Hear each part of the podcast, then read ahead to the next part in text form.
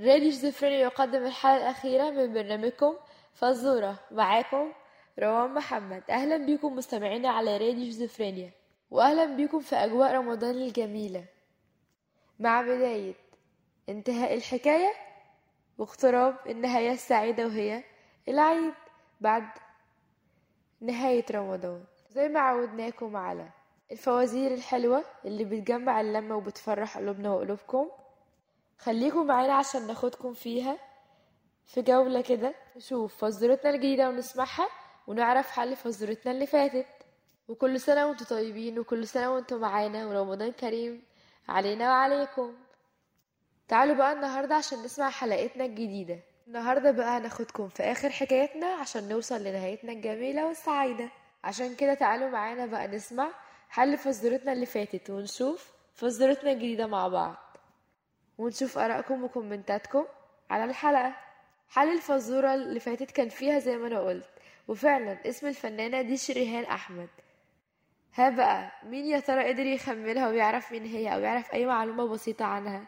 الفنانة دي اسمها شريهان أحمد عبد الفتاح ومن أهم الفنانات المصريات واتولدت في القاهرة سنة 1494 6 ديسمبر. وعاشت حياتها كلها زي الفراشات الجميلة اللي بتطير وبدأت حياتها الفنية من لما كان عندها أربع سنين وشاركت في أعمال مسرحية وأعمال استعراضات وأعمال تلفزيون و... خلينا بقى ننتقل لأخوها اللي ساعدها على كده هو عمر خورشيد عازف الجيتار المشهور اللي كان بمثابة الأب والأخ وورثت منه حب أو عشق الفن واللي ساعدها كملها على كده منذ طفولتها وساعدها على التمثيل وإنها تقابل قيمة من قيمات الفن منذ صغرها زي كوكب الشرق أم كلثوم لما قابلت شريهان في حفل زفاف خورشيد. لما كان عندها شريهان 8 سنين وطلبت منها إنها تأدي استعراض من غير أي موسيقى. وفعلا بدأت شريهان, إنها تعمل كده. وبالفعل أعجبت كوكب الشرق بأداء شريهان وادتها شوكولاتة على أدائها ده ولكن للأسف بعد مشاركاتها وأعمالها المسرحية والاستعراضات العظيمة دي اتعرضت لمرض أثر على شغلها في السنوات الأخيرة. السرطان لكن بالعكس هي حاولت قد ما تقدر إنها تتحداه وكمان للأسف عملت حادثة كسر عمودها الفقري وفي وسط كل الأمراض دي وسط كل الأزمات دي هي حاولت تتعدى ده وتقوم على رجلها من تاني.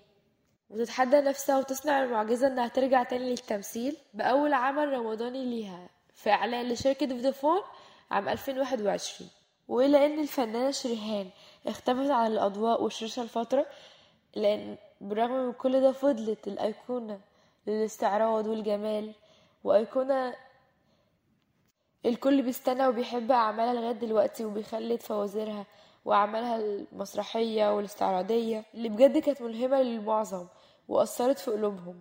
عشان كده نتمنى لها التوفيق وإنها تفضل منورة الشاشة دايما. خلينا بقى ننتقل لفزورتنا النهاردة. وبما إننا اتكلمنا على شريهان الحلقة دي عشان كده هنتكلم عن النص التاني في الحلقة دي. وعشان دي نهاية حلقتنا ونهاية برنامجنا النهاردة هتلاقي حل فزورتنا في الحلقة.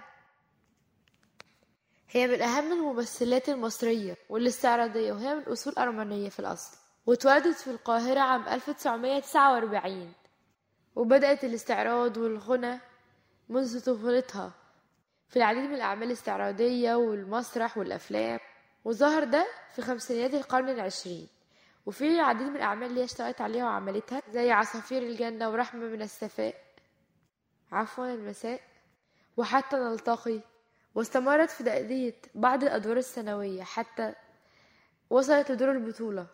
في فيلم المراهقة عام 1966 ومن الأفلام اللي شاركت فيها بعد كده دلع بنات وبيت الطالبات وأجازة الصيف وطائر الليل الحزين والغول.